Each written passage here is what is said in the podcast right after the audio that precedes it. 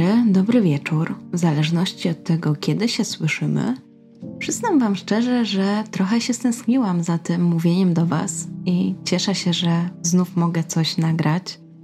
I choć ciężko się zbiera te wszystkie materiały i potem robi z tego solidne notatki, to ten moment, gdy siadam i zaczynam do Was mówić, to jest moment, na który właśnie czekałam. Tym razem udało mi się usiąść dużo szybciej, dzięki temu, że pomógł mi w zbieraniu materiałów Tomi. Bo dzisiejsza historia będzie dotyczyła sprawy z Niemiec. I choć niemiecki jest mi całkiem znajomy, to jednak nie władam nim tak często jak angielskim i zdecydowanie dotarcie do różnych źródeł zajęłoby mi więcej czasu. Więc to mi naprawdę mi w tym bardzo pomógł i bardzo Ci za to dziękuję. Standardowo w tym odcinku pomógł mi także Janek, oraz Bartek, którego usłyszycie w niektórych momentach. Dziękuję także Kamilowi, Eli i Nelly, którzy dołączyli do moich patronów, a także wszystkim, którzy do tej pory mnie wspierali w jakikolwiek sposób. No dobra, dziękuję Wam za wysłuchanie tego wstępu, ja już nie przedłużam i zapraszam do wysłuchania dzisiejszej historii.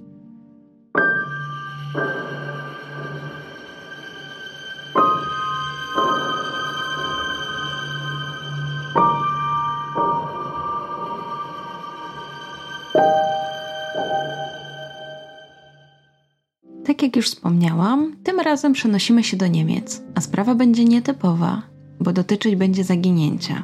Jak wiecie, ja na tym kanale nie za bardzo poruszam takie sprawy, które są niewyjaśnione, a tym bardziej takie, które wydarzyły się dosyć niedawno. Ale w tej sytuacji postanowiłam zrobić wyjątek. 18 lutego 2019 roku w Berlinie, w dzielnicy Britz w Neukölln, 15-letnia Rebecca Royś Nocowała u swojej starszej siostry Jessiki. Kobieta miała 27 lat, mieszkała z mężem i dwiema córkami. Z zawodu była agentem nieruchomości. W tym czasie kobiety były same w domu z dziewczynkami, bo mąż Jessiki, Florian, miał wrócić do domu dopiero nad ranem. Mężczyzna również miał 27 lat i pracował jako kucharz w hotelu. Akurat tamtej nocy przebywał na firmowej imprezie. Podczas tej imprezy pił całkiem sporo alkoholu i w zasadzie pozwalał sobie raczej na więcej niż mniej, jeżeli chodzi o jego ilości. Jeśli chodzi o to, że Rebeka nocowała u swojej starszej siostry, to nie było to nic nadzwyczajnego. Dosyć często się to zdarzało, bardzo dobrze dogadywała się zarówno ze swoją siostrą, jak i szwagrem. I tym razem dzień spędziły całkiem miło, zamówiły pizzę, dużo rozmawiały, słuchały muzyki, grały w gry. Nic nie wskazywało na to, że będzie to ich ostatnia wspólna noc. O siódmej rano, jak co dzień, Jessica szykowała się do pracy. Miała też odprowadzić dzieci do żłobka albo przedszkola, tutaj źródła różnie podawały. Nie zaglądnęła jednak do Rebeki, bo chciała jej dać się spokojnie wyspać przed szkołą. W tym dniu miała dopiero na 9.50. W tym czasie minęła się jednak ze swoim mężem, który wrócił mniej więcej około 5.45. Szykował się do snu po nieprzespanej nocy, ale kobieta poprosiła go jeszcze, aby pamiętał, by obudził Rebekę, by ta nie spóźniła się do szkoły. Mniej więcej 15 minut później, o 7.15, do Rebeki próbowała dodzwonić się jej mama. Wiedziała, że jej córka ma raczej problemy ze wstawaniem do szkoły i chciała się upewnić, że tym razem nie zaćpi i spokojnie wybierze się na lekcję. Telefon jednak był wyłączony i od razu włączała się poczta głosowa. Trochę to zaniepokoiło kobietę, ale wiedziała, że jest w bezpiecznym miejscu i postanowiła jeszcze chwilę poczekać. Być może rozładował jej się telefon i za chwilę go włączy i do niej odzwoni. Niestety nic takiego się nie stało. Po chwili czekania mama Rebeki postanowiła zadzwonić jeszcze do swojego zięcia i upewnić się, czy wszystko jest w porządku z Rebeką. Gdy chwilę później mężczyzna wszedł do pokoju, w którym miała spać nastolatka, nigdzie jej nie było. Choć delikatnie się zaniepokoił, to raczej go to nie zmartwiło, bo uznał, że po prostu dziewczyna wyszła już do szkoły i jakoś mu to umknęło. Wiadomo, miał za sobą nieprzespaną noc, może mu się przysnęło i nie zauważył, jak wychodziła. Rodzina postanowiła więc zaczekać do 9.50, kiedy to miały zacząć się zajęcia Rebeki i upewnić się, że bezpiecznie dotarła do szkoły. Jednak gdy wybiła ta godzina, Po Rebece dalej nie było ani śladu. Rodzice zaczęli się coraz bardziej o nią martwić, ale postanowili jeszcze zaczekać do południa. Wierzyli, że znajdzie się jakieś rozsądne wytłumaczenie i wszystko dobrze się skończy. Ale gdy do południa dziewczyna nie pojawiła się także w domu, rodzice postanowili zadzwonić na policję i zawiadomić o jej zaginięciu. Dosyć szybko pojawił się opis Rebeki, na którą wszyscy mówili Becky. Miała niebieskie oczy, długie blond włosy, nosiła aparat na zęby. Była w zasadzie typową nastolatką, która chodzi do szkoły, korzysta regularnie ze swojego telefonu i różnych aplikacji internetowych. Rodzicom dziewczyny udało się także uzgodnić, jakie ubrania miała ze sobą w dniu, w którym prawdopodobnie zaginęła, i opis ten brzmiał mniej więcej tak. W dniu zaginięcia miała na sobie różową kurtkę w stylu miękkiego kożucha, czarne trampki i czerwony plecak marki Vans z napisem Off the Wall, niebieskie dżinsy oraz białą bluzkę z kapturem BTS. Bliscy Rebeki postanawiają się jeszcze raz rozejrzeć po domu, w którym nocowała. Upewniają się, że faktycznie nie ma jej plecaka oraz orientują, że nie ma liliowego kocyka, który leżał w dużym pokoju na kanapie. Oczywiście przekazują te informacje policji. Co ciekawe, jest to później szczegół, który policja chciała zachować dla siebie, a którego niestety zachować się nie udało. Na podstawie takich detali chcieli sprawdzać ewentualną wiarygodność świadków. Jednak informacja o kocyku dosyć szybko przedostała się do mediów. To właśnie brak tych rzeczy, tych osobistych rzeczy Rebeki spowodował, że Florian był pewien, iż dziewczyna od dawna jest w drodze do szkoły. Ale później okaże się, że telefon Rebeki między 6 a 8 rano logował się do sieci w okolicach domu Jessiki i Floriana. Po ósmej śledczy odkryją jeszcze wiadomość, jaką zostawiła jej mama, gdy nie mogła się z nią rano skontaktować. A dokładniej wysłała jej SMS-a, który brzmiał tak. Cześć moja słodka. Mam nadzieję, że punktualnie przyszłaś do szkoły. Próbowałam się z tobą skontaktować.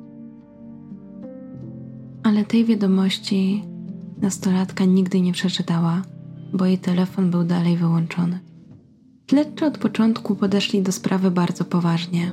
Od razu sprawdzali wszystkie tropy, takie jak owe logowanie telefonu nastolatki, ale z tych wszystkich pierwszych wskazówek nasunął im się jeden główny trop. Coraz bardziej zaczynają podejrzewać, że to właśnie mąż Jessiki jest związany z zaginięciem Rebeki. A przez najbliższy czas stanie się to właśnie ich głównym i tak naprawdę jedynym tropem, jakim postanowią się zająć. Według policji teoria z Florianem w roli głównej była jak najbardziej prawdopodobna i wszystko wskazywało na to, że to on stoi za zniknięciem dziewczyny. Tym podejrzeniem nie zgadzała się jednak rodzina dziewczyny, która wierzyła w słowa Floriana i absolutnie go nie podejrzewała, że mógłby zrobić coś złego Rebece. Bo nie mogli zrozumieć, dlaczego Florian miałby zrobić cokolwiek Rebece, gdzie jest jakikolwiek motyw, że przecież bardzo często dziewczyna nocowała u swojej siostry, był tam też również jej mąż, że dobrze się dogadywali, że się lubili. I właściwie, że cała rodzina lubiła Floriana, a zatem uważała, że jest niewinny i absolutnie nie mógłby skrzywdzić żadnego innego człowieka. Postanowili, że na własną rękę sprawdzą inne tropy, ale niestety bezskutecznie. Postanowili między innymi porozmawiać z koleżankami dziewczyny. Pytali, czy wiedzą o niej cokolwiek, co mogłoby pomóc w jej znalezieniu.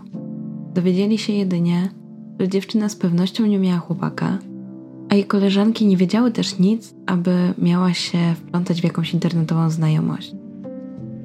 W opinii jej znajomych, jej bliskich była bardzo ładną dziewczyną i często jej uroda była tematem rozmów. Nieraz słyszała komplementy na swój temat, zwracała także uwagę chłopców na ulicy. Jedynie co udało się dowiedzieć od koleżanek Rebeki, to to, że przed swoim zniknięciem zauważyły u niej coś, co określiły jako dziwne zachowanie, ale nic więcej na ten temat nie potrafiły powiedzieć. Niedzielę przed swoim zniknięciem spotkała się ze swoimi koleżankami i zachowywała się ich zdaniem dosyć nietypowo. Usunęła na przykład kilkanaście zdjęć z Instagrama i wycofała się trochę z życia z mediów społecznościowych. Jednak pomimo tego ani rodzina, ani tym bardziej jej znajomi nie wyobrażali sobie, aby miała uciec dobrowolnie. Przecież rodzice zastanawiali się nad jedną kwestią, gdyż parę tygodni wcześniej Rebeka powiedziała swoim rodzicom, że chciałaby zmienić szkołę i zdawać maturę gdzie indziej, ale nie podjęli wtedy tego tematu. Jeśli chodzi o rodzinę Rebeki, to była raczej spokojna i zwyczajna. Nigdy nie zauważono żadnej patologii, nie słyszano o żadnych konfliktach. Sama Rebeka była raczej wycofana, ale wesoła i dowcipna. Szczególnie koncentrowała się na swojej urodzie, lubiła robić sobie zdjęcia i jak każda nastolatka testowała różnego rodzaju filtry w internecie, w różnych aplikacjach. Jednak nie udało się dojść do niczego, co miałoby sprawić, że Rebeka miałaby powód, aby uciec. Kolejne dni śledztwa niestety nie przyniosły żadnych dobrych wieści. Sprawa robiła się coraz głośniejsza i powoli zaczynała wychodzić także poza Niemcy. W związku z tą presją, po pięciu dniach od zniknięcia nastolatki, a dokładniej 23 lutego, sprawę przejął Mordkommission, czyli taki polski odpowiednik Wydziału Zabójstw. Śledczy szykują się w związku z tym do przedstawienia swojej teorii. Przy okazji sprawdzają jeszcze wiadomości wysyłane przez Rebekę przez różne aplikacje, m.in. przez WhatsApp i rozmowy na innych mediach społecznościowych. Stwierdzają przy okazji słowa koleżanek, bo nigdy nie ustalono, aby dziewczyna korespondowała z kimś obcym lub nowo poznanym. Policja wychodzi zatem z założenia, że nastolatkę skrzywdził ktoś, kto był jej dobrze znany. W tym przypadku mowa o szwagrze, który przebywał z nią w domu jako ostatni. W tym czasie udają się także do domu najstarszej siostry Rebeki, Jessiki. Jest to około dwa tygodnie po tym, jak dziewczyna zaginęła, i utwierdzają się w tym, że Rebeka nie mogła opuścić sama tego domu. Ale jakie dowody tam znajdują i co sprawia, że są tego tak pewni, do dziś nie zostało upublicznione. Rodzice Rebeki dalej w to nie wierzą. Dochodzi do nich informacja, że przed szkołą córki widziano kłótnię nastolatków, w której prawdopodobnie udział brała sama Rebeka. Uważają, że mogła uciec z domu przez konflikt z rówieśnikami. Przypominają tutaj te informacje o tym, że przecież chciała zmienić szkołę, a zatem coś się w niej musiało niedobrego dziać. Ale nie znajdują na to żadnych dowodów. W tym czasie policja grzebie dalej i dochodzi do następujących informacji. Dowiadują się, że Florian w noc zaginięcia Becky bawił się na imprezie firmowej. Podpytani współpracownicy powiedzieli, że mężczyzna był bardzo pijany. On sam zeznał, że wrócił do domu przed godziną szóstą i od razu położył się spać. Jednak policja odkryła, że w tym czasie czatował za pośrednictwem aplikacji WhatsApp. Do tego w samochodzie Bary znaleziono włókna przypominające materiał z kurtki Rebeki. Mogła to być ta sama kurtka, którą miała na sobie w dniu zaginięcia, oraz jakieś włosy. Podejrzewano, że należą one również do dziewczyny. Jessica, siostra Rebeki, twierdziła, że jej mąż nie korzystał z samochodu 18 lutego, ale również to nie było prawdą. Jak później udało się ustalić, to właśnie w dniu zaginięcia 15-latki Florian odbył tajemniczą podróż w stronę Polski. I tutaj pojawia się dla mnie dziwny i niezrozumiały wątek, dlatego że doszłam do informacji, iż ojciec zaginionej Rebeki tłumaczył, że podróż Floriana miała związek z handlem narkotykami, ale więcej informacji na ten temat nie znalazłam. Jednak ta podróż jest faktem, bo auto Floriana i Jessiki fioletowe Twingo zostało zarejestrowane na autostradzie A12 pomiędzy Berlinem a Frankfurtem nad Odrą właśnie w dniu zaginięcia Rebeki. Co więcej, zostaje później jeszcze raz zarejestrowane, gdy wraca tą samą drogą, następnego dnia o 22.39. Według policji tylko szwagier miał w tym czasie dostęp do samochodu, a zatem dla nich jest to oczywiste, iż on musiał być kierowcą. Wkrótce przechodzi jednak ekspertyza włosów znalezionych w tym samochodzie i jednoznacznie skreśla je jako te pochodzące od 15-latki. W międzyczasie, dokładnie 21 lutego, czyli trzy dni po zaginięciu Rebeki, policja zdecydowała się opublikować zdjęcie nastolatki. I tutaj to jest kwestia, co do której mam mieszane uczucia. Bo udostępnione zostało zdjęcie dziewczyny, które nie do końca przypominało samą Rebekę. Już na pierwszy rzut oka widać, że zdjęcie jest przerobione, prawdopodobnie przez nałożenie jakiegoś filtru z Instagrama albo czegoś takiego. Jednak byłoby dużo lepiej, gdyby do takiego raportu o zaginięciu Rebeki dołączono zdjęcie, które bardziej ją ukazywało. I jeśli chodzi o przyczynę, dlaczego zostało wybrane właśnie takie zdjęcie, to pojawiło się takie wytłumaczenie, że rodzina nie miała w swoim posiadaniu zdjęcia, które byłoby aktualne, a które nie miałoby tego filtra. Więc w zasadzie to, które dała, było ich zdaniem najbardziej aktualne. Z drugiej strony jest to całkiem prawdopodobne, dlatego że teraz nastolatki dosyć często korzystają z aparatów wbudowanych w aplikację, tam są różnego rodzaju filtry i może faktycznie nie było okazji, podczas której byłaby opcja na zrobienie zdjęcia. Natomiast opinia publiczna bardzo ostro potraktowała rodzinę, zwłaszcza tą tę sytuację z tym zdjęciem, że jak można było właśnie takie zdjęcie dać. Ale rodzina też nie do końca przyjmowała tę krytykę do siebie. Uważała, że wina leży po stronie policji. Mama Rebeki twierdziła, że opowiadała policjantowi, który ją przesłuchiwał, iż dopiero od niedawna dziewczyna ma grzywkę, a według niej policja specjalnie wybrała zdjęcie, które mogło zmylić ewentualnych świadków. Jak było naprawdę, pewnie się już nie dowiemy. 26 lutego druga siostra Rebeki, Vivian, postanawia wrzucić post na Instagram i poinformować o poszukiwaniach swojej młodszej siostry. 90 osób zgłasza się do pomocy w poszukiwaniach. Ochotnicy ruszają i przeczesują pobliskie lasy, a podczas tych poszukiwań zostaje znaleziony szary podkoszulek w pobliżu domu Jessica i Floriana. Niestety nigdy nie udało się ustalić, czy podkoszulek ten należał do Rebeki. Dwa dni później, 28 lutego, dzieje się to, do czego od początku zmierzała policja. Florian zostaje aresztowany. Po zatrzymaniu policjanci przewożą go do aresztu, gdzie odbywa się jego przesłuchanie. Ponownie zostają podważone pierwsze słowa mężczyzny o tym, iż po imprezie, gdy wrócił już do domu, od razu położył się spać. I ponownie zostaje zapytany, co w takim razie robił, skoro wysyłał wiadomości z WhatsAppa. Mężczyzna jednak nie tłumaczy tego w żaden inny sposób i cały czas upiera się, że spał. Na policji jest to zasadna nieścisłość, ale sąd stwierdza inaczej. Uważa, że materiały zebrane przez śledczych nie są wystarczające, aby Floriana zatrzymać i mężczyzna zostaje wypuszczony na wolność.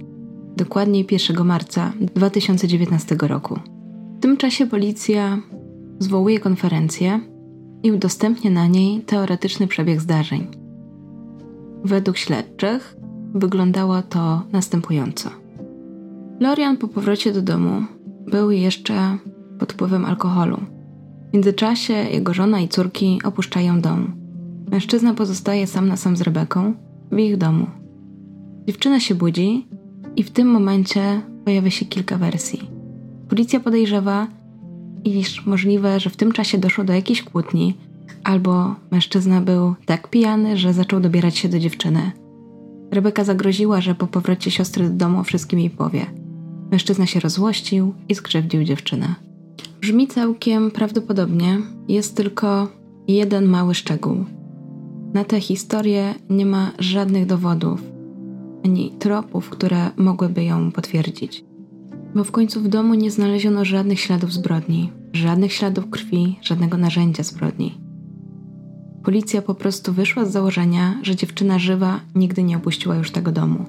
Ale czy było to możliwe w tak krótkim czasie i szwagier tak doskonale wysprzątał dom i zatarł wszelkie ślady morderstwa? Policja miała jednak na to swoje argumenty. Według śledczych, kocy, który zniknął wraz z dziewczyną, posłużył mężczyźnie do zawinięcia jej zwłok. Następnie mężczyzna wyniósł Rebekę zawiniętą w koc i włożył do bagażnika samochodu. Ich zdaniem było to potwierdzone przez ten włos, który znaleźli, ale później wyjdzie, że ten włos wcale nie należał do Rebeki. Pomimo dosyć szczegółowo przygotowanej teorii, policjanci mają pewien problem. nie potrafią jej zakończyć i odpowiedzieć na pytanie, co mężczyzna zrobił ze zwłokami.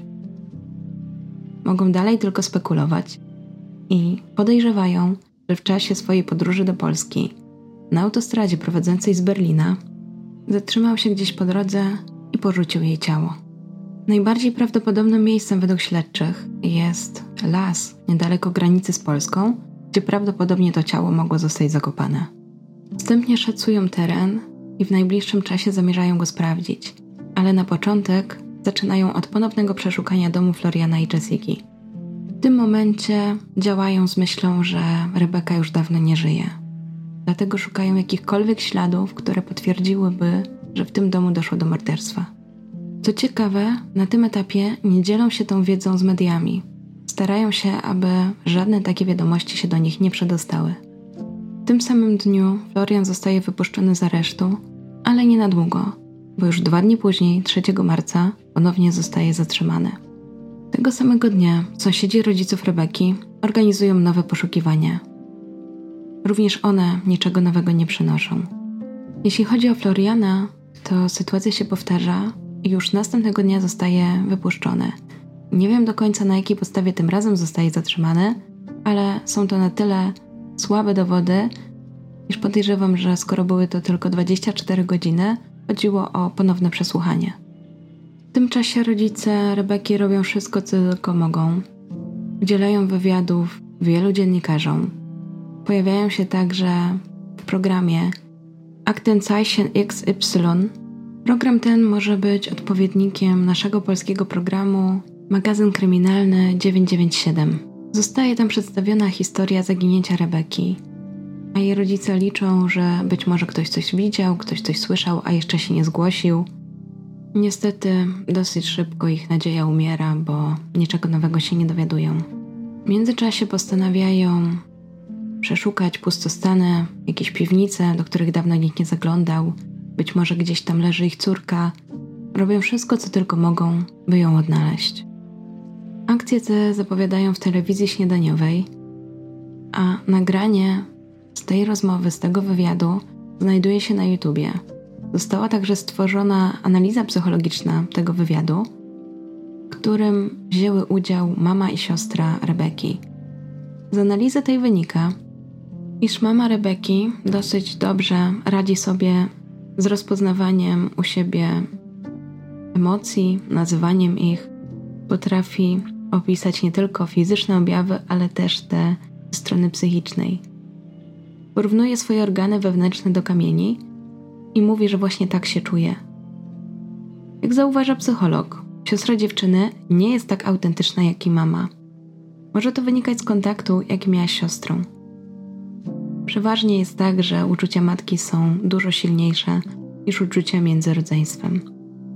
Psycholog wskazuje, że ma przeczucie, iż siostra nie jest tak zainteresowana wywiadem, jak jej mama, a nawet przejawia symptomy depresji, ale może to wynikać z obecności kamer i nowej dla niej sytuacji, że po prostu nie czuje się swobodnie w tym miejscu. Może też wynikać z tego, że nie do końca jest zainteresowana zaginięciem siostry, ale to już moim zdaniem jest dosyć osądzająca opinia. W tym czasie policja dostaje liczne wskazówki, aby zainteresować się lasami brandenburskimi. I tak między 7 a 9 marca przeszukują las w Ostbrandenburg, ale bez powodzenia. W poszukiwaniach bierze udział setka policjantów, mają oni do dyspozycji także psy tropiące. Wygląda na to, że szukają tam ciała Rebeki. Ale nie tylko nie znajdują jej ciała, ale także żadnego śladu. Mimo tego dalej się nie poddają i podają do wiadomości publicznej wiadomość o tym, że szukają potencjalnych świadków i jeżeli ktokolwiek zauważył fioletowy samochód Twingo tego dnia na autostradzie A12, to bardzo jest proszony o kontakt z policją. Być może też ktoś zauważył cokolwiek dziwnego, co mogłoby pomóc w wyjaśnieniu tej sprawy, to tym bardziej proszony jest o jak najszybsze się zgłoszenie. Do akcji poszukiwawczej zostają wezwane także helikoptery z kamerami termowizyjnymi, aby przeczesać jeszcze większy obszar lasu.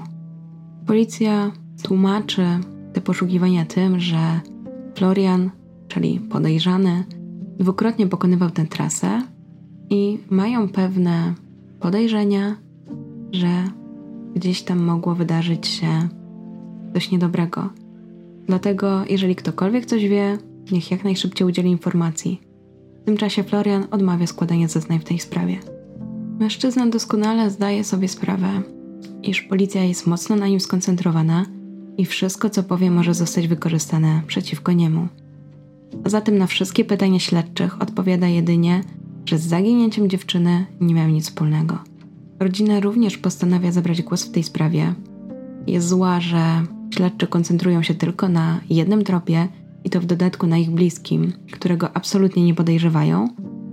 I proszą, aby rozważyli także inne scenariusze i zajęli się tą sprawą z różnych perspektyw, a nie tylko tej jednej, bo co jeżeli naprawdę została porwana? 16 marca psy policyjne ponownie zostają wysłane na autostradę A12. W pobliżu Wolzigerze wykorzystywane były również łodzie.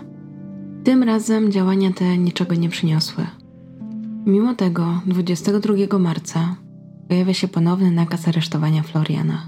I chyba już nikogo to nie zaskoczy, ale kilka godzin później zostaje zwolniony z powodu braku silnych dowodów. Mimo tego śledczy nadal podkreślają, że mężczyzna jest wciąż podejrzany i w tej chwili nie mają żadnego innego podejrzanego. Ale nie znaczy to, że badają sprawę tylko w tym jednym kierunku. Wręcz przeciwnie, naturalny sposób określają, w jaki sposób mają postępować we wszystkich kierunkach. Czyli właściwie nic konkretnego, ale jednoznacznie wskazujące, że tak naprawdę całą uwagę poświęcają Florianowi. I gdy już wydaje się, że nic nowego w tej sprawie się nie wydarzy, pojawia się nowy trop, a dokładniej polski akcent. 18 kwietnia pojawia się informacja w mediach o Niemcach, którzy prawdopodobnie widzieli Rebekę w Krakowie. Informator twierdził, że miała ona robić zakupy w supermarkecie i towarzyszył jej starszy mężczyzna. Przekazał też informację, że dziewczyna mówiła po niemiecku i nosiła aparat ortodontyczny. Była to ważna informacja, dlatego że nie było wcześniej takiego nacisku na to, że Rebeka nosi aparat na zęby, więc pojawiła się ogromna nadzieja rodziców, że być może ich córka jest w Polsce. Informator wspomniał także, że kiedy zaczął przeglądać się dziewczynie, sprawiała wrażenie zmieszanej a dokładniej, że nie czuje się swobodnie w towarzystwie mężczyzny, z którym była. Informator również pochodził z Niemiec i po powrocie do swojego pokoju jeszcze raz przyjrzał się zdjęciu, które było dostępne w internecie i był niemalże pewien, że to ona. Rodzice jak najszybciej przekazali te informacje policji, ale mieli wrażenie, że nie są traktowani zbyt poważnie. Wydział Zabójstw odpowiedział, że nic o tym nie wiedzą, że nie dostali takich informacji i te informacje były analizowane zupełnie gdzie indziej, na innym komisariacie. Ostatecznie wątek polski został wyjaśniony i niemieccy funkcjonariusze po kontakcie z polską policją uzyskali informację, że nie była to Rebeka. I ponieważ w następnych miesiącach nie za wiele się działo, to pozwolę sobie w tym momencie przytoczyć rozważania, czy to mógłby być Florian. Oprócz poszlak, które udało się zdobyć policjantom, jest też wiele dowodów, które faktycznie świadczyłyby o jego niewinności. Po pierwsze, to, że miał naprawdę mało czasu na dokonanie tej zbrodni i raczej wątpliwe jest, aby doszło do tego w obecności Jessiki i ich córek. Więc Florian musiałby zamordować Rebekę, dokładnie wysprzątać mieszkanie, wynieść ciało do samochodu, przewieźć do lasu, zakopać i miałby na to jedynie 3 godziny. Sam cały czas upierał się, że położył się do łóżka. Jedyne o czym marzył to o śnie. Pod wpływem lekkiego alkoholu prawdopodobnie budził się co chwilę i może wysyłał jakieś wiadomości na WhatsAppie, ale nawet nie wstawał z łóżka. Do tego mama Rebeki dodała, iż bardzo często zarówno Kocyk, jak i sama Rebeka jeździła samochodem z Florianem i Jessiką, bo robili sobie takie wspólne pikniki całą rodziną były to różnego rodzaju wypady za miasto, więc nawet gdyby to był włos Rebeki, to nie byłoby w tym nic nadzwyczajnego, bo bardzo łatwo mógłby się tam znaleźć. Taki problematyczny punkt to kwestia braku zeznań w sprawie jazdy autostradą. Florian nigdy nie wyjaśnił, jaki był faktyczny cel jego podróży. Sam mówił, że znajdował się w tym czasie pod wpływem alkoholu, a niecałe trzy godziny później wsiadł do samochodu i przebył taką trasę. To było dosyć dziwne. Tak jak wam wcześniej powiedziałam, pojawiło się to hasło o narkotykach, ale nie wiem, czy to nie była jakaś plotka. A sam ojciec Rebeki generalnie powiedział, że zna ten powód, dla którego Florian jechał, ale nie będzie o nim mówił na głos. Jedynie co zaznaczył to to, że wie, iż mężczyzna udał się tam w takim celu, który nie miał niczego wspólnego z zaginięciem jego córki. Oczywiście zaraz pojawiły się spekulacje, że być może chodziło o jakiś romans, albo właśnie ta nielegalna działalność, czyli owe narkotyki, ale nigdy oficjalnie nikt tego nie potwierdził. Można powiedzieć, że to jest właściwie takie nielogiczne, bo jeżeli powiedziałby na głos, co on tam robił, po co on tam jechał, to dosyć szybko oczyściłby się z tych zarzutów, może policja by odpuściła. Więc wydaje się też takie dosyć prawdopodobne, że albo było to coś nielegalnego, albo po prostu już chodzi o jakąś dumę na zasadzie, że nie chce współpracować z policją, bo i tak wszystko przeciwko niemu ciągle wykorzystywali. W swoim czasie został nawet upubliczniony wizerunek Floriana i bardzo było to dla niego niebezpieczne, dlatego że pojawiła się ogromna nagonka na jego osobę, a wiadomo jak to jest. Jak już raz się ukaże czyjeś zdjęcie i jeszcze przypisze do ładnej nastolatki i doda napis, że być może jest to jej zabójca, to taka łatka już zostaje. Tym wszystkim daje też do myślenia to, że rodzina tak mocno stoi za Florianem, a patrząc na determinację rodziców Rebeki, którzy robili wszystko, żeby ją odnaleźć, nie sądzę, że aż tak kryliby zabójcę. Do tego pozostaje kwestia tego, że jeżeli mężczyzna faktycznie wywiózłby ciało Rebeki, zakopałby ją gdzieś tam w lesie, to na jego butach, na jego dywanikach w samochodzie musiałyby zostać jakieś ślady ziemi, błota, cokolwiek, co wskazywałoby, że był w tamtym rejonie. A takich śladów nie znaleziono. I oczywiście istnieje szansa, że bardzo dobrze wszystko wyczyścił, ale pytanie jak duża? Bo generalnie musiał działać szybko. Nie miał czasu, a wiadomo, pośpiech jest zawsze złym doradcą. Pojawiła się także kwestia świadków, o których za wiele policja nie chciała informować, rozmawiać. Właściwie nie wiadomo dlaczego, ale udało się dotrzeć do zeznań świadków, którzy twierdzili, iż widzieli Rebekę tego ranka albo w drodze na przystanek, albo już na przystanku autobusowym. Pojawiły się także zeznania koleżanki, nie takiej bliskiej, raczej dalszej, którą głównie znała z widzenia, ale twierdziła ona, że zdecydowanie była to Rebeka i powiedziały sobie nawet cześć. Do tego pojawiły się zeznania dziesięciolatki, która chodziła z Rebeką do szkoły dziewczynka twierdziła, że widziała Rebekę tego samego dnia, ale o godzinie 16. Według niej dziewczyna miała się kłócić z jakąś kobietą i zapamiętała to zwłaszcza dlatego, że później Rebeka poprosiła ją o pożyczenie telefonu komórkowego, bo chciała zadzwonić do rodziców.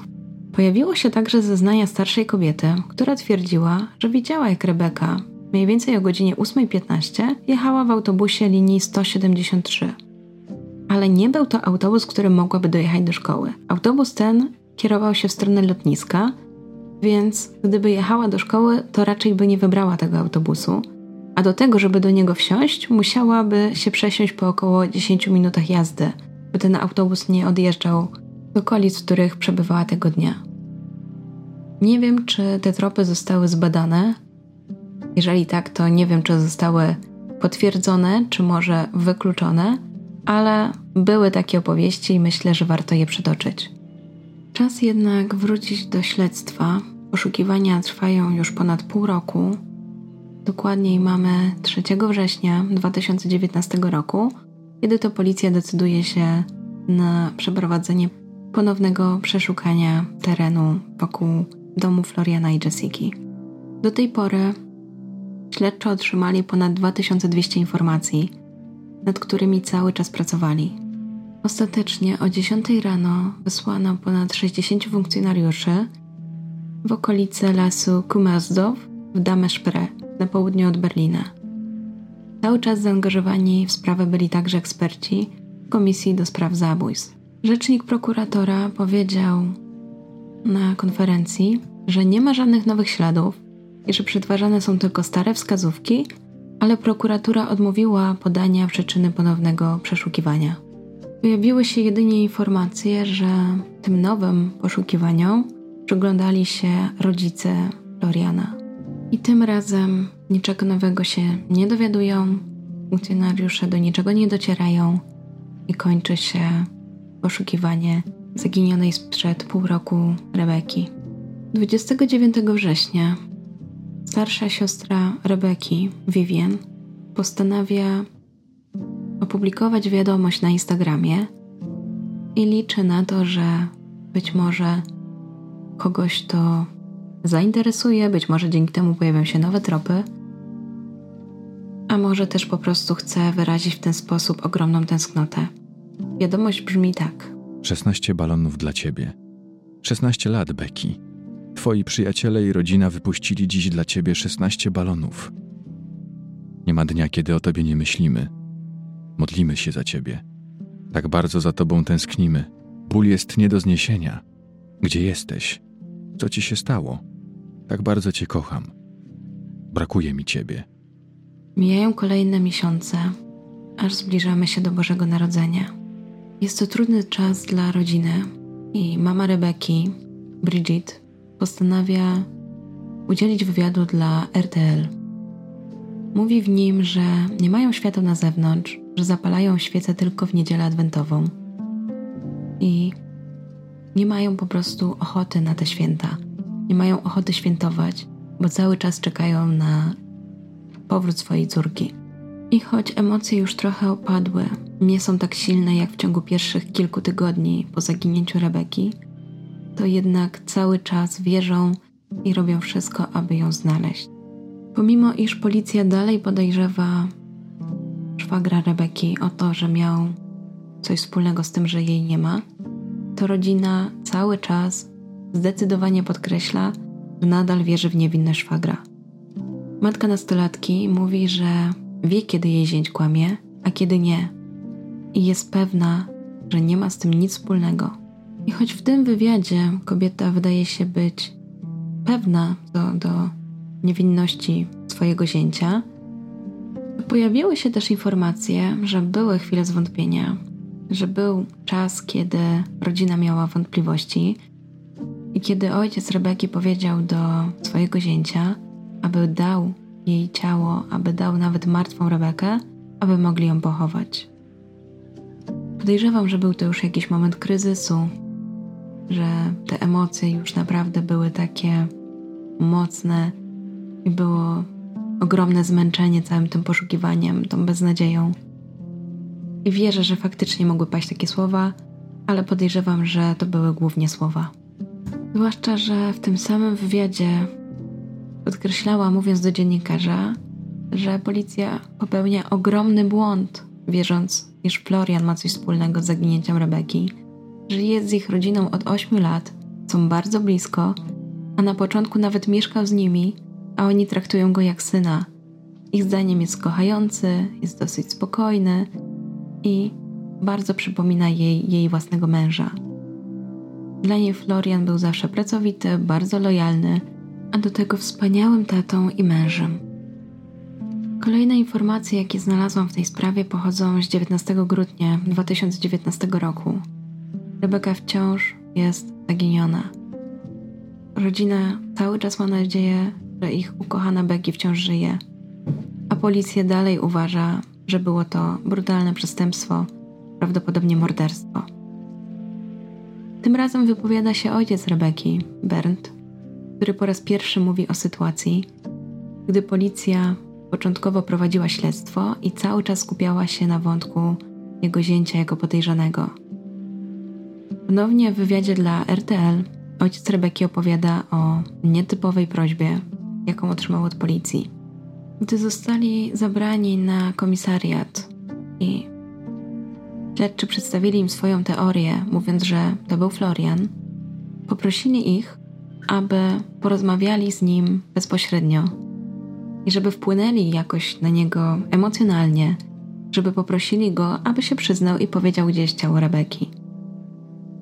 Że przecież chcą pochować swoją córkę z godnością i powinni to zrobić. Ojciec Rebeki wspomniał, że zgodził się wtedy na to, że porozmawiał bezpośrednio z Florianem ale tak naprawdę nigdy nie wierzył w jego winę. W odpowiedzi usłyszał, że Florian jest niewinny i nie ma z tym nic wspólnego, a ojciec Rebeki mu uwierzył i tak samo przekazał policji. Tak naprawdę jest to podwójnie trudny czas dla rodziny, bo z jednej strony szukają ukochanej córki, siostry, a z drugiej muszą się borykać z policją, która atakuje członka ich rodziny, która nie prowadzi dochodzenia tak, jak powinna, ich zdaniem. I są tak naprawdę między młotem a kowadłem. W tym czasie w jednym z wywiadów matka Rebeki mówi, że tak naprawdę czekają na jeden moment, bo jeśli prokurator powie, że Florian nie jest już podejrzany, to w końcu będą mogli odetchnąć z ulgą, bo śledztwo pójdzie w odpowiednim kierunku. Trzy dni później, 22 grudnia 2019 roku, odnajduje się Marvin z Duisburga, 15-latek, który zaginął ponad dwa lata temu. To daje ogromną nadzieję rodzinie Rebeki na to, że i ona się odnajdzie. Chłopiec zostaje odnaleziony żywy w mieszkaniu 44-latka, którym ukryty był w szafie. Policja wydała jednak oświadczenie, że obecnie nic nie wskazuje na to, aby chłopiec został przetrzymywany w tym mieszkaniu wbrew jego woli. Tę sprawę komentuje ojciec Rebeki. Mówi, że sprawa Marwina pokazuje im, że ich Becky wciąż może żyć i że cały czas mówią o tym, że ona gdzieś może być. Tylko po prostu nie wróciła do domu i trzeba ją znaleźć. I bardzo czekają na tę cenną wskazówkę, która powie im, co się stało z ich córką. Dodaje także, że stale są obecni w internecie i czytają nie tylko o Rebece, ale i innych zaginionych ludziach. Rodzice Becky komentują także status ich rodziny. Zapewniają, że została ona nienaruszona, że nie potrzebują terapii i po prostu to, co robią, to rozmawiają ze sobą, a gdy potrzebują płakać, to płaczą. Kolejne aktualizacje w internecie, w artykułach w gazetach pojawiają się 12 lutego 2020 roku, a zatem już w tym roku, kiedy to mija prawie rok od zaginięcia Rebeki Royś. Niestety wciąż nie ma śladu po nastolatce, ale ich rodzina o niej nie zapomina. Cały czas szuka jej w internecie, sprawdza wszelkie ślady, dopytuje gdzie może. Wierzą, że dziewczyna do nich wróci. Pod postem Vivian na Instagramie do dziś pojawiają się tam liczne komentarze z wieloma słowami wsparcia, chęcią pomocy i myślę, że daje to pewną nadzieję rodzinie, że nie są z tym sami, ale niestety do niczego nowego to nie prowadzi. Dwa dni później, 14 lutego 2020 roku, pojawia się w końcu jakiś nowy ślad, czyli właściwie raptem tydzień temu. Więc jak widzicie, sprawa jest cały czas w toku jest cały czas świeża. A każdy szczegół, każde wspomnienie ma ogromne znaczenie dla poszukiwań Beki. Tym nowym śladem jest sprawdzenie jeszcze raz telefonu Rebeki i dotarcie do WhatsAppa oraz TikToka. Okazuje się, że ostatnim znakiem życia Rebeki była wiadomość głosowa na WhatsAppie, którą wysłała rano, gdy zniknęła. Śledczy zapewniają, że obecnie są w stanie wydobyć więcej danych z jej telefonu komórkowego. Nie podają jednak informacji, do kogo była wysłana ta głosowa wiadomość, czy w ogóle została wysłana, a jedynie przedstawiają informację, że była taka wiadomość. Udaje się także odtworzyć kopię zapasową smartfona Rebeki i niepublikowany wcześniej nigdzie materiał został przekazany na policję do zweryfikowania. Z opisanych danych znaleziono kilka zdjęć i dwa filmy. Jednym z nich jest film, który nagrała Rebeka w aplikacji TikTok. Myślę, że mniej więcej kojarzycie, czym jest ta aplikacja. Dosyć teraz popularna wśród młodzieży, gdzie nagrywa się takie śmieszne filmiki. Do tego jest zawsze jakaś muzyka i generalnie nie muszą być one jakieś ambitne, bardziej chodzi o to, aby przez chwilę cieszyły. I film Rebeki pokazuje, jak tańczy do remiksu piosenki One Ape zespołu Spice Girls. Dla rodziny jest to bardzo miły dla oka film, a jednocześnie raniący serce. Widzą na niej swoją bliską, która dobrze się bawi i która jeszcze nie wie, że zniknie z ich życia. Siostra Rebeki Vivien komentuje to w taki sposób, że jest to dla niej zdecydowanie bardzo cenne wideo, bo ma tak mało jej ostatnich dni, bo człowiek po prostu nie był na to przygotowany. Nie wiedział, że musi na zapas narobić sobie zdjęć, filmów, by móc oglądać swoją siostrę, bliską osobę. I na zmianę płacze i się śmieje, gdy ogląda ten film właśnie w wykonaniu Rebeki. To, co z kolei zwraca uwagę jej mamę, to to, że na tym filmie Rebeka ma dokładnie te same spodnie, które miała w dniu zaginięcia. Liczy, że dzięki temu ludzie rozpoznają jej córkę.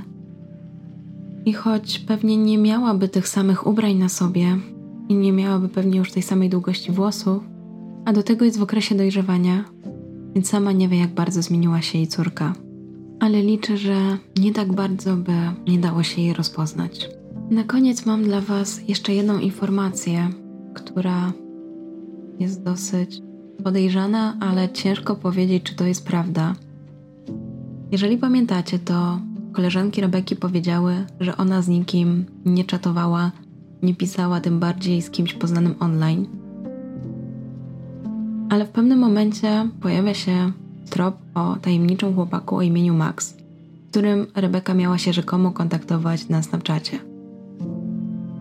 Problem polega na tym, i o ile kojarzycie, jak działa Snapchat, że te wiadomości, zdjęcia są dosyć szybko kasowane przez Snapchat i nie jest tak łatwo je odzyskać. Oczywiście policja zwróciła się do Snapchata, aby udostępnił im te informacje zawarte na serwerach po nakazie sądowym, ale na ten moment nie wiadomo, czy taki nakaz został wydany i czy policja sprawdziła ten trop. Do tej pory jednak nie znaleziono żadnej korespondencji online dziewczyny z jakimś nieznajomym. Była aktywna na Snapchacie i wysyłała tam wiadomości oraz zdjęcia, ale ciężko stwierdzić, czy miała kontakt z jakimś Maxem. O tym przekonana jest jedynie jej mama, która twierdzi, że córka powiedziała jej o tym, iż poznała jakiegoś Maxa albo Maxiego przez internet i że było to w styczniu ale tak jak Wam wspomniałam, nie wiadomo, czy ten wątek jest dalej badany. Śledztwo pozostaje otwarte. Jest tylko drobna różnica. Policja szuka ciała, a rodzina żywej Rebeki. W tej sprawie spore kontrowersje budzi dysonans między działaniem i śledztwem policji, między zeznaniami świadków i między zeznaniami rodziny. Jest takie poczucie, jakby policja przyjęła jeden główny trop, być może dobry, być może nie, ale przy obecnych poszlakach, dowodach na pewno nie da się jednoznacznie stwierdzić, iż jest to jedyny trop, którym powinna podążać, a wydaje się, że jednak na nim się głównie skupiła. Jeżeli chodzi o mnie, to bardzo mnie niepokoją te ciągłe aresztowania i wypuszczenia Floriana – bo świadczy to o tym, że choć go podejrzewali, to jednak nie mieli nic na niego poważnego, a zatem może się pospieszyli. Może tymi działaniami pozwolili mu zatrzeć inne ślady, jeżeli byłby winien. A jeżeli jest niewinny, to czemu tak bardzo się na niego uparli? Rozumiem, że ciężko było o jakieś inne ślady, jakieś inne poszlaki, ale mimo wszystko, skoro rodzina się zapiera, że to nie on, to coś jest nie tak. Wiadomo, rodzina zawsze chce chronić swoich bliskich, no ale tutaj myślę, że w tym kontekście rodzice jednak woleliby stanąć po stronie swojej córki. Trudny jest to temat i podjęłam się go głównie dlatego, że sama o tej sprawie wcześniej nie słyszałam. Nie wiedziałam o tym, że miała jakiś związek z Polską, ale tak naprawdę najbardziej dotknęło mnie to, jak przedstawiana była Rebeka w mediach, zwłaszcza to jej zdjęcie Szukanie pięknej nastolatki od razu wiadomo wzbudza sensację. U nas też były podobne sprawy, gdy ofiarami były piękne kobiety i od razu cała Polska tym żyła. I tak samo teraz żyją tym całe Niemcy. Jeszcze parę dni temu, jak to nagrywam, widziałam, że pojawiały się nowe artykuły, natomiast one już niczego nie wnosiły, bardziej przypominały o sprawie Rebeki.